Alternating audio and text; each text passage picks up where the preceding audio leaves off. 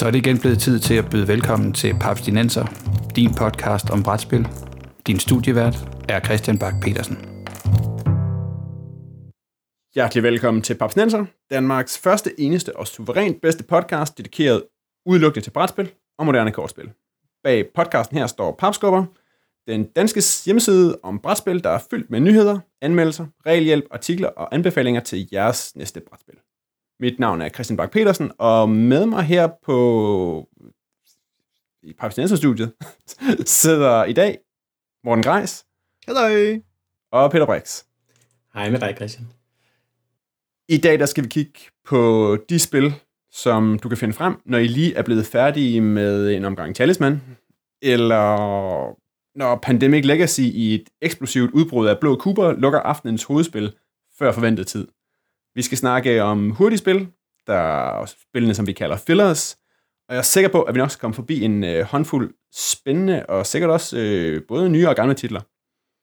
Men inden da, for det skal ikke kun handle om nye spil.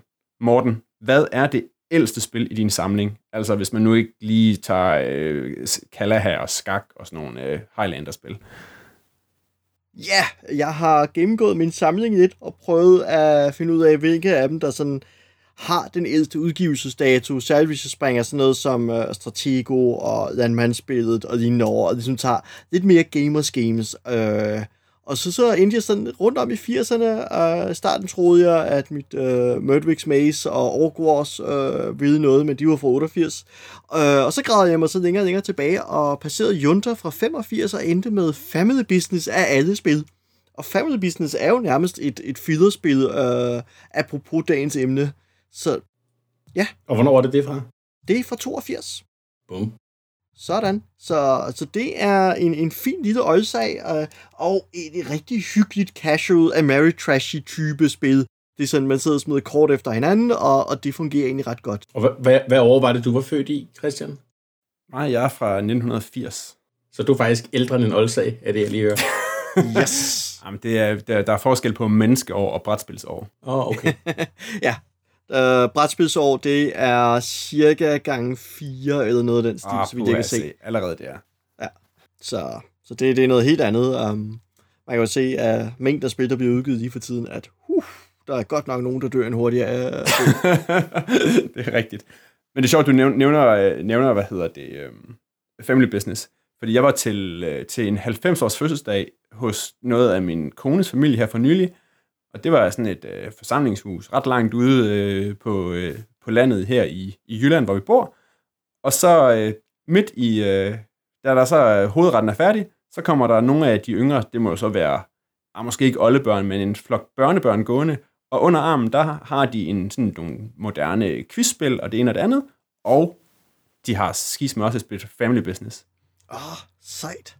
Så øh, det, øh, man kan jo sagtens stadig få det, og det, øh, vi har også spillet det, vi spillede det rigtig meget i min ungdomsskole, sådan i starten af, ja, starten af, slutningen af 90'erne. Faktisk øh, er det ikke mere end halvanden uge siden, der øh, tømte jeg, tjekkede jeg min ungdomsskoles gamle family business, og det er jo sådan noget, man spiller øh, sådan nogle forskellige gangster-fraktioner. Jeps. Og så smider man dem ind på sammen med nogle kort, og så kan man smide de andres gangster ind på sådan en hitliste, og når der er fem på hitlisten, så begynder den at tjekke nedad, og så, så dør de folkene, og bliver de skudt ned, og så kan man hive dem ud og bestikke folk og sådan noget. Men ellers er det sådan noget med, få de modstandere smidt ind på hitlisten, og så se dem øh, blive øh, forsvinde i en, øh, i en regn af Tommy Gun kugler. Ja, men der er også et snedigt lille trick til spillet. Uh, ideen er jo, at, som, som du er inde på jo, at man, man smider kontrakter efter hinandens bandemedlemmer, de ryger ind på hitlisten. Øh, når der er et vist antal, så starter Mob War, og vi dræber en i starten af hver spillers runde, øh, i håbet om at øh, eliminere de andre spillers bander, og øh, hver eneste gang hitlisten er tom, så stopper krigen, indtil man fylder den op igen, øh, hitlisten med nye. Men der er jo forsvarskortene, Um, som jo ikke bare, hvad skal jeg sige, øh, altså du smider en kontrakt på en af mine, jeg siger forsvarskort, og så er det det jeg, jeg tager jo også turen. Det vil sige, du smider angrebskort på mig, jeg smider forsvarskort på, uh, på og så er det min tur.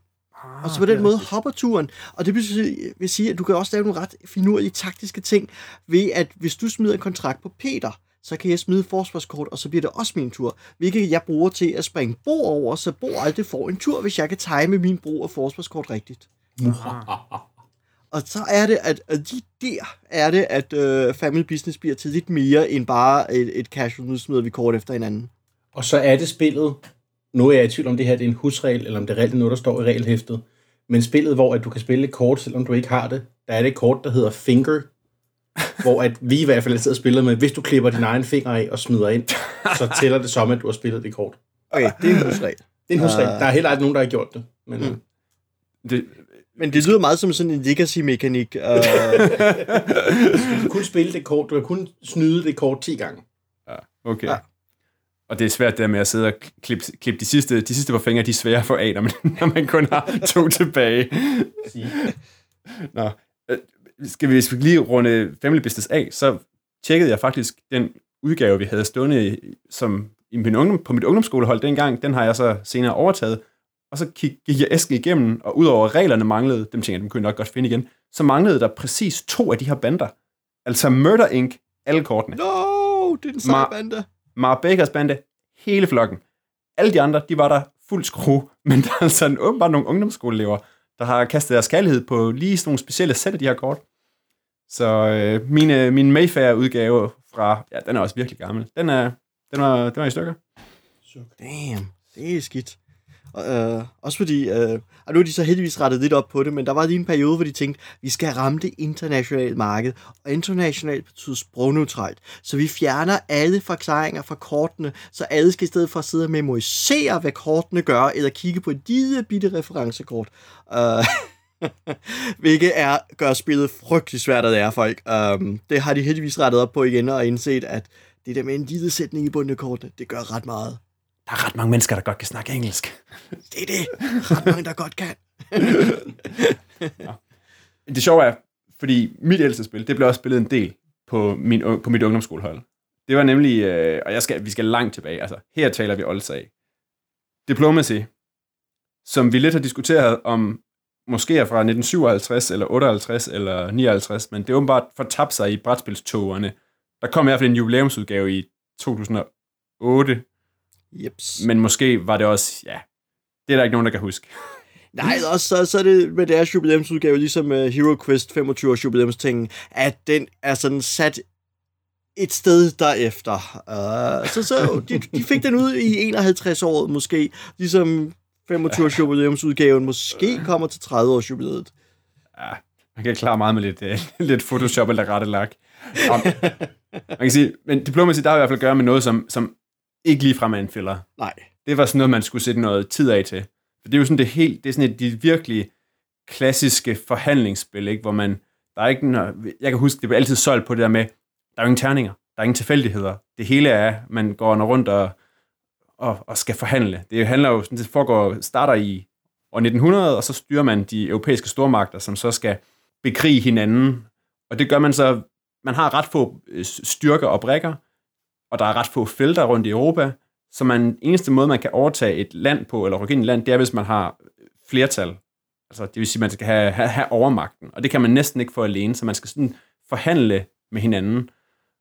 Og selve strategispillet på, på brættet tager ikke særlig lang tid. Men hele spillet udenom, hvor man gerne skal have en 3-4 tilstødende lokaler, fordi man skal gå ud og forhandle i smug og aftale med de andre, hvad de vil gøre. Og hvis du nu hjælper mig mod Østrig-Ungarn her, så skal jeg nok hjælpe dig med at vinde over, når du nu prøver med dine øh, preussiske tropper at marchere mod Rusland.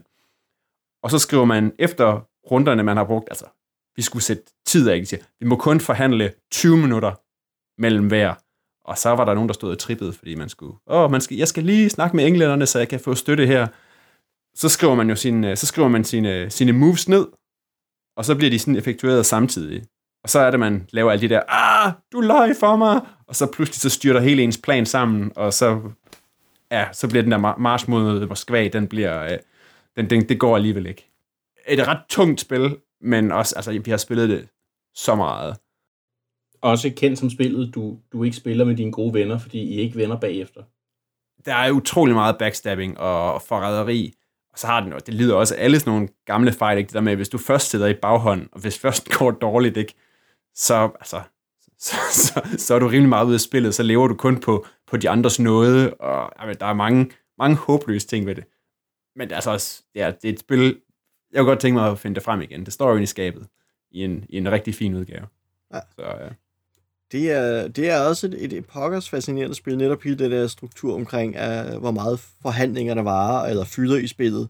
Det er særligt spillets alder taget i betragtning, så er det jo virkelig en rigtig, rigtig uh, fascinerende størrelse.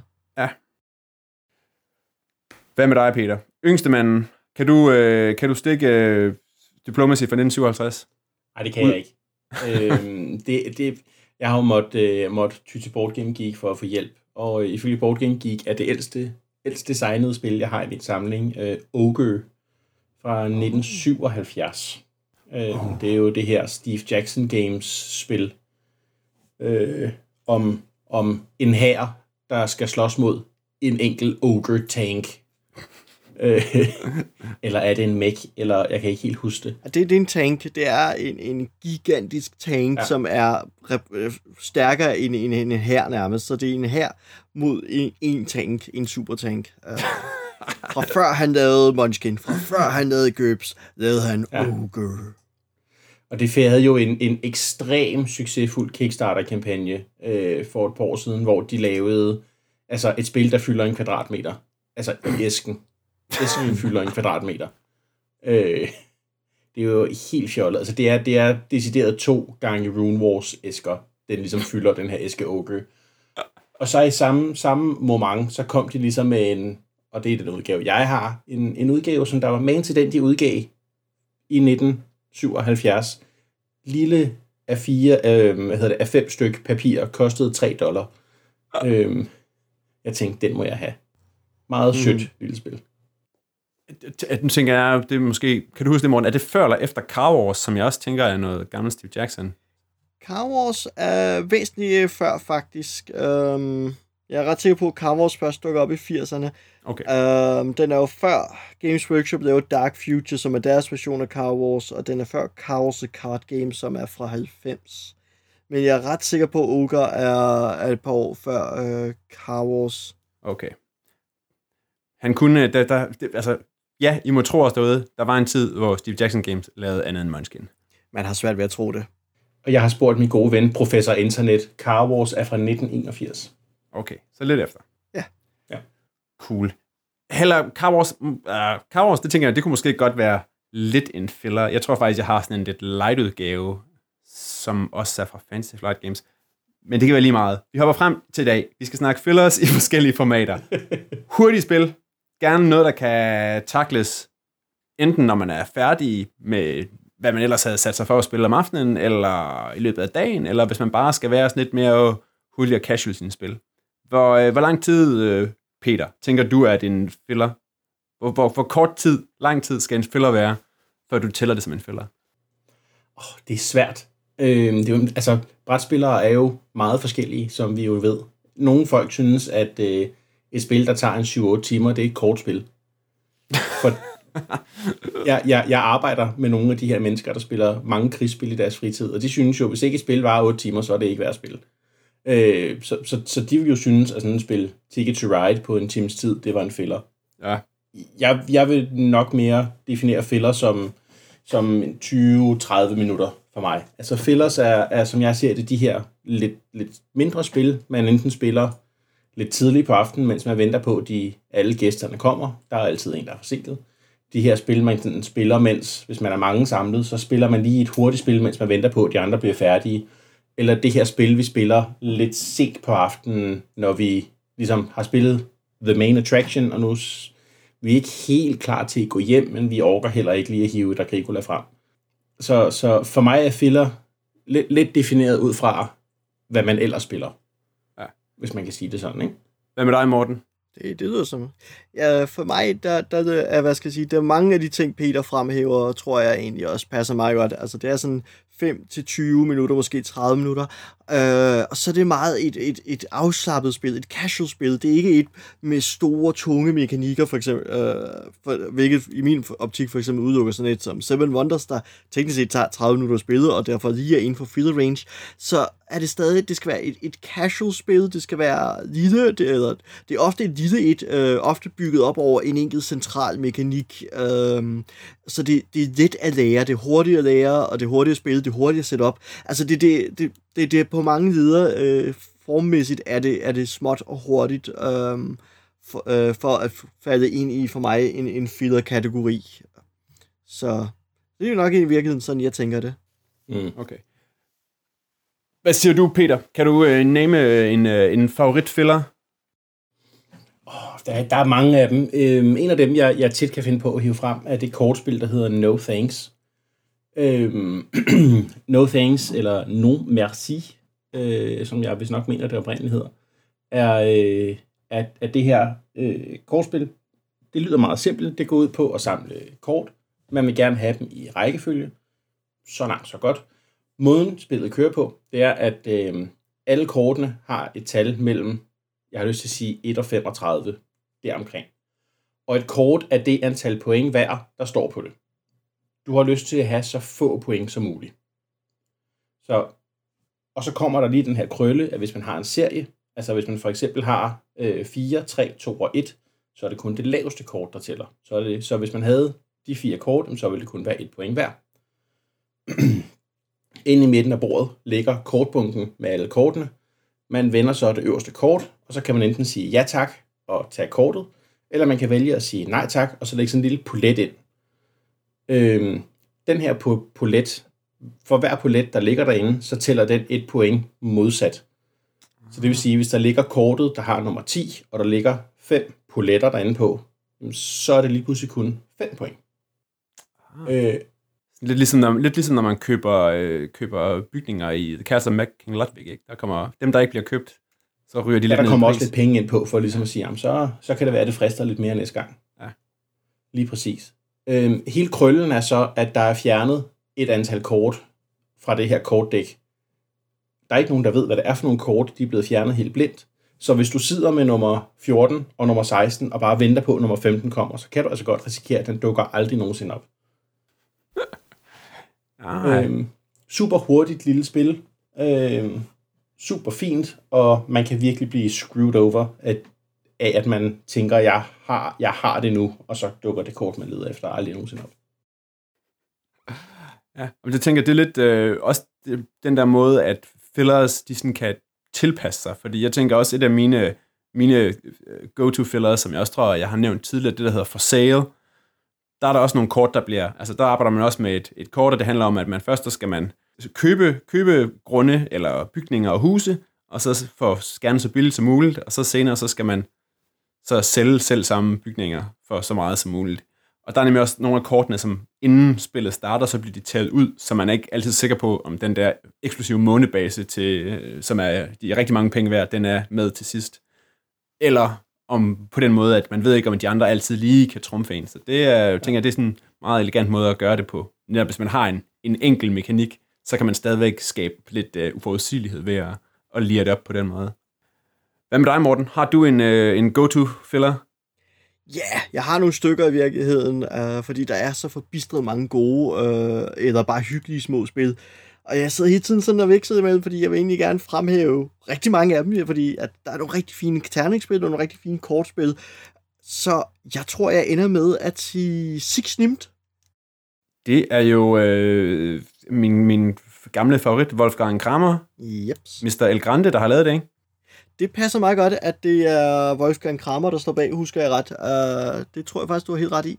Og det er bare et, et, et, hvad skal jeg sige, uh, et rigtig fint lille spil, hvor det gælder om at undgå at tage stik, lidt ligesom i No, uh, no Thanks.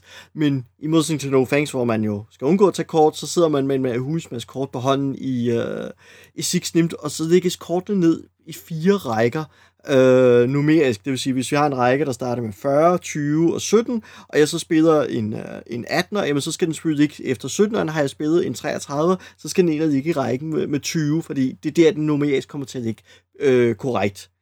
Men det gør alle spillere samtidig. Det vil sige, vi sidder alle sammen med håndfuldt kort, vi vælger et samtidig, lægger ned, vender kortene om, og så lægger man dem op i rækken.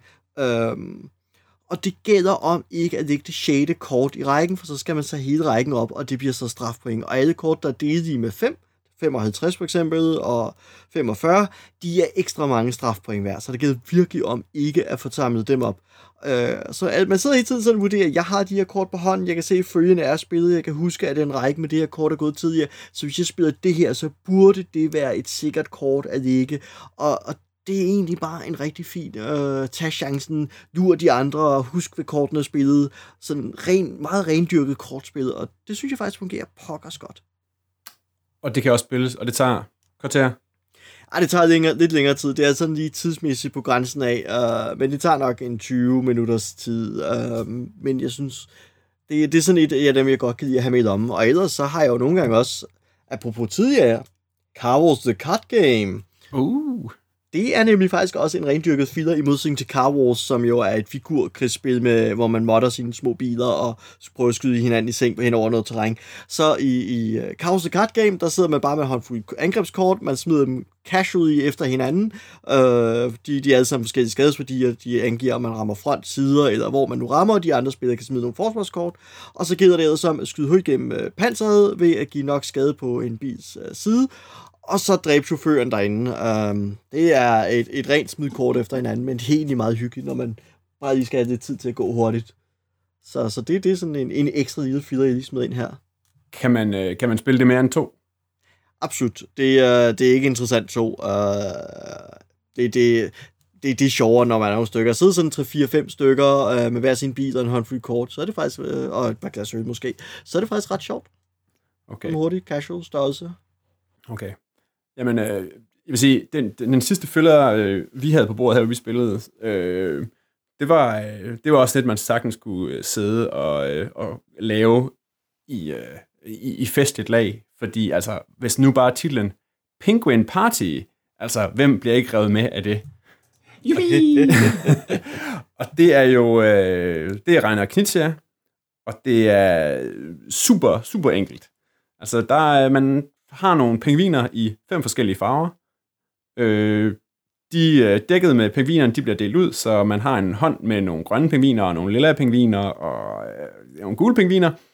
Og så gælder det så om, at man skal bygge en pingvinpyramide af dem. Og det gælder om at komme af med alle sine kort. Så nede i bunden, der skal der ligge otte kort. Og så ligger man, til at starte med, så ligger man en blå pingvin og en gul pingvin. Og så bygger man rækken henad. Man må også godt bygge opad. Men opad, der må man kun placere på skuldrene af de pingviner i samme farver, som der står nedenunder. Det vil sige, hvis der ligger en, står en gul pingvin og en blå pingvin, så kan man placere en blå pingvin eller en gul pingvin oven på den. Og så gælder det om at komme af med alle sine kort, imens man bygger pyramiden op, og pludselig så bliver der lukket for de grønne pingviner et sted, og så strander man med x antal grønne pingviner på hånden. Og det fungerer virkelig, virkelig fint øh, super hurtigt, så kan man, generelt så tager man lige så mange runder, som der er spillere, fordi så alle får ligesom en chance, så har man nogle tokens, som vil sige, amen, du havde fem pingviner tilbage i din første runde, du nøjes med tre, og så tæller man point op til sidst, når man har ledet igennem. Og jeg vil tro, man kan godt nå at spille sådan en 3-4 mand igennem på, ja, i hvert fald 20 minutter. Og rigtig, rigtig fint spil. Og så er det jo også øh, et af de spil, som, har, øh, som rammer ned i øh, det, som Reiner Knizia han kan. Fordi øh, hvis du går ned i butikkerne og spørger efter Penguin Party, og de siger, det har vi ikke, så kan du bare spørge efter Westeros Intrigue i stedet for.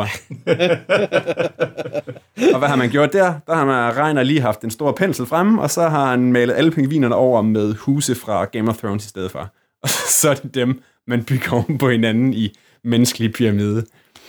Øh. Oh, jeg synes, de der reskins er så stykke nogle gange. Uh.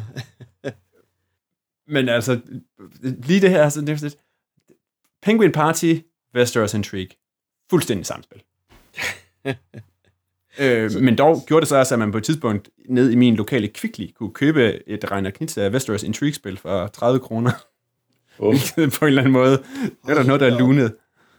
Det, det var ingen penge, jo. Um, Nej, jeg så netop lige og tænkte uh, et andet filler, som jeg uh, også ønsker at hive frem nogle gange, apropos det med lidt kort ned. Uh, det er jo nok et, som for nogle folk til at sukke. Um, sæt. Sæt? Ja, sæt. Det må I da have stødt på. Um... S-E-T, ja. Ja. Jeg hørte det som sæt. Altså, Nå, bogstavet Z. bogstavet Z. Ja, Ja, og tænkte, nej, et øh. zombiespil, hvad kan det være? Ja, nej. bum, bum. Ja, Z, Z har jeg stødt på. Altså det eneste casual zombie-spil, jeg kan komme i tanke om, det er det der Card of the Dead, og det er godt nok uspilleligt. uh, så hedder Z. Uh, Zombie Dice, Zombie Dice. og Zombie Dice er der også, ja, det er rigtig nok.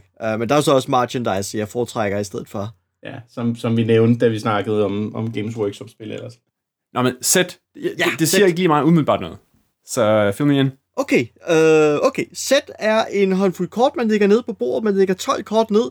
På de kort er der nogle symboler. Øh, der er tre forskellige typer af symboler. Øh, der kan kun være en type symbol på hver kort. Bølgefigurer, øh, eller romper, eller øh, og så videre. Ikke? Øh, de kan have tre forskellige farver. De kan have forskellige øh, udfyldningsgrade og øh, antal. Og så gælder det om at finde mønstre. Det, det er et, et mønstergenkendelsespil. Fordi man kigger ned på de 12 kort og ser, kan jeg få øje på øh, tre kort, hvor alle fire parametre er opfyldt. Et parametre er, at enten er, er kortene, inden, hvad skal jeg sige, at farverne er helt ens eller helt forskellige at antallet er helt ens eller helt forskellige, at formerne er helt ens eller helt forskellige, og udfyldningsgrad. Så man kigger ned og siger, aha, der er tre kort, kort der, hvor de er røde, med de forskellige former, men de forskellige antal, men de har samme udfyldningsgrad. Det er tæt. Og så råber man sæt og peger på de, de tre kort.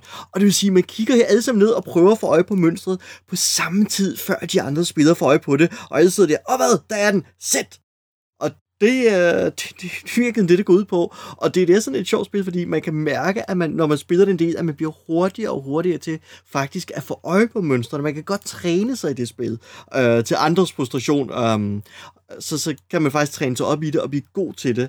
Og det har også en, en, en ekstra snedig ting er, at øh, når man spiller det, der er ikke rigtig nogen beg- spillerbegrænsning som sådan. Man lægger egentlig bare kortene ud, og i det øjeblik, nogen kommer hen og kigger på bordet og siger, hvad spiller I? Vi spiller sæt, det er det, der er med, og du er nu med, fordi du kan også bare se, om du kan få øje på et sæt. Uh, det er sådan et, alle kan kigge og byde ind, og, og det er faktisk ret... Øh, et rigtig, rigtig sjovt hovedbruds kortspil, som er virkelig noget, der nogen, giver nogle folk hovedpine, men jeg er ret glad for. Og problemet er bare det der med, at, at du ved, man kan blive bedre til det, ikke? Så altså, mm. du, sådan en som, som Christian, der aldrig har hørt om det før, skal passe på, hvis han går hen og spiller det første gang med dig, Morten, fordi odds siger, at du kommer til at give ham læsterlig klø. Ja, det ser jeg ikke noget problem i, Peter. Så spiller jeg det aldrig igen. det er nok. Og måske du skal hellere spille det med mig, Christian. Jeg har kun spillet det en enkelt gang eller så. Ellers så, så har vi nogle andre gode øh, fillers, vi kan hive frem i stedet for. Øh, Love Letter, Anyone? Ja, Love Letter er et skønt, skønt lille kortspil om, ikke? Finde, øh, om at give prinsessen, den stakkels prinsesse, der bare sidder oppe i tårnet og er helt hjerteknust, øh, give hende et lille kærlighedsbrev, så hun bliver gift med dig, så du kan blive konge i stedet for. Det lyder helt fantastisk. Det er et fint spil. Ja. Sætter du på ord på, Peter? Om det kan jeg godt. Øhm, Love Letter er, øh, altså det, det er jo nærmest en form for player elimination game, bare kogt helt ned til, så lidt det overhovedet kan være. Ikke? Altså det tager, der er, er det 14 kort, der er i, Morten? 16, 16 kort, der og er du i. frasorterer et.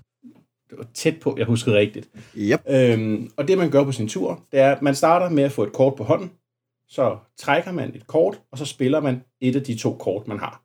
Der findes, nogle, altså, der findes x antal forskellige kort, og hver type af kort har sin egen regel. For eksempel etteren, som er den, der er flest af, er en guard, og den siger så, jamen, peg på en anden spiller og sig, hvilket kort han har på hånden. Hvis det er det kort, han har, så er han ude. Så jeg vil ligesom spille det kort, så vil jeg pege på Morten, og så vil jeg sige, Morten, du har prinsessen. Og når Morten så selvfølgelig har prinsessen på hånden, jamen så er han ude, Ah, for dømt, du gættede det. og så går det videre til næste spiller. Det, der så ligesom gælder om, det er at være den sidste, som der stadigvæk har kort på hånden, eller hvis alle 15 kort er blevet spillet, så at have det kort på hånden, der har det højeste tal. Fordi kortene har også øh, alle sammen en værdi, hvor vagten er nummer 1, og prinsessen er nummer 7, som jeg husker det. 8 og 7, ja, det er Det højeste kort i hvert fald, og så er der nogle kort derinde imellem.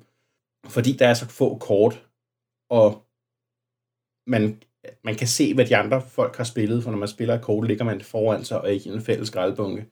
Så bliver det meget hurtigt til sådan et spil, hvor at, øh, at, at altså man kan sidde og regne noget ud, men alligevel går det virkelig hurtigt. Og fordi der er det der ene kort derude, kan man aldrig regne det helt ud. Der er igen det der med kort, vi tager ud. Ikke? Ja, præcis. Mm. Øhm, og så er Love Letter udgivet i en hav af varianter. Det kan handle om at få ringen til Mount Doom i Hobbiten, eller det kan handle om at slå Jokeren ned i Batman, eller... Jeg skulle lige sige det, fordi vi, hvis man er træt af prinsesser, vi spiller det, vi spiller det Batman-version herhjemme. Ja. ja, her omkring. Øh, men jo, altså, præcis det samme. Altså, Ja, der er også julemandsudgaven. Der er Letters to Santa. Ja. Og Munchkin-udgaven. Altså, Du Der er Munchkin Loot Letter. Selvfølgelig er der en Munchkin-udgave. Jeps. Er der ikke også en Adventure Time? Jo, der er også en Adventure Time, det er rigtigt. Ja. Øh, og så er der nogen, de vist kun udgiver i særlige, øh, ved sær- særlige situationer. Der har vist været en bryllupsudgave også. Øh, Ja, der er sådan, et, sådan en, en, en hvid love letter, man, man kan få til sit bryllup på en eller anden måde. Jeg har ikke helt regnet ja. ud, hvordan, hvordan det fungerer. Jeg tror, det er en USA-only ting. Det er det nok, ja. Uh, men det br- bringer jo så også videre til noget, jeg synes er ret spændende i forhold til Love Letter. Det er jo, uh, designeren bag Love Letter arbejder jo videre med konceptet. Ja. Altså i stedet for at reskinde det, som, uh, som de amerikanske udgivere har gjort, så, så, har, så har han jo arbejdet videre med det og lavet uh, Lost Legacy-serien, som jeg synes er en suverænt spændende uh, feder-type af spil, fordi det spilles Øh, der er, hvad er det, vi er oppe på nu på engelsk? Øh, jeg mener, de kommer op på otte varianter af det. De spilles ordnet set ligesom Love Letter. Samme idé med 16 kort, vi blander dem fra sorterer et. Alle spillere har et kort på hånden, og man trækker et kort, spiller et kort øh, af de to, man nu har. Og så gør man forskellige ting. Men i det spil her, der gælder det om at finde The Lost Legacy. Øh, og det vil sige, når spillet slutter, så sidder alle, alt efter hvad kortværdi de har, Øh, så må de prøve at gætte sig frem til, hvilket af de tilbageværende kort i spillet er The Lost Legacy. Hvem sidder med det, eller ligger det, er det bestemt kort i en særlig ruinstak? Um, det er kernen i det. Og så bliver reglerne tweaked uh, i de, hver af de otte, der sådan skubber lidt til præcis, hvordan dynamikken mellem spillerne og deres mulighed for at gætte og eliminere hinanden er. Og man kan da så, hvad skal jeg sige, fordi det så er en samme serie, så kan man tage kort fra de enkelte versioner og bytte rundt på, så jeg kan tage fem kortet fra en stak og skifte ud med femmerkortet i en anden variant. Så det, det giver sådan en helt anden måde at spille uh, Love Letter på, som tager nu fem minutter mere med, eller to minutter mere at spille, men, men gør det faktisk rigtig godt. Fedt. Det skal jeg have prøvet. Og ja, det, og, det, og han er jo, øh, hvad hedder det, øh, øh, japansk designer, ikke sandt? jo, det er korrekt. Det, øh, jeg tror måske, nu har vi jo, øh, måske kunne der være en episode om øh, japanske spil, eller spildesigner. Det tror jeg kunne være meget fedt. Ja. Ved du hvad, det ser vi på. Øh, så, øh, så folk derude, hvis I har nogle gode bud på spændende japanske designer, eller spændende japanske spil, så send dem ind til os på papsnenser. Vi vil meget gerne høre om øh, både øh, fede øh, mainstream-spil fra Japan, og også gerne nogle virkelig sære. Og også hvis I bare har noget andet, I gerne vil have, vi snakker om, så giv lyd fra os, både hvis det er et emne til et helt afsnit, eller bare et kort spørgsmål. Yes, lige præcis. Men med det, så er vi øh, nået til enden af det, jeg tænker måske er den første episode om fillers, fordi dem kommer der helt sikkert nogle flere om, fordi vi har mange gode endnu. Ja, der var så mange flere, jeg godt havde nævnt. og igen, vi modtager også gerne gode forslag der.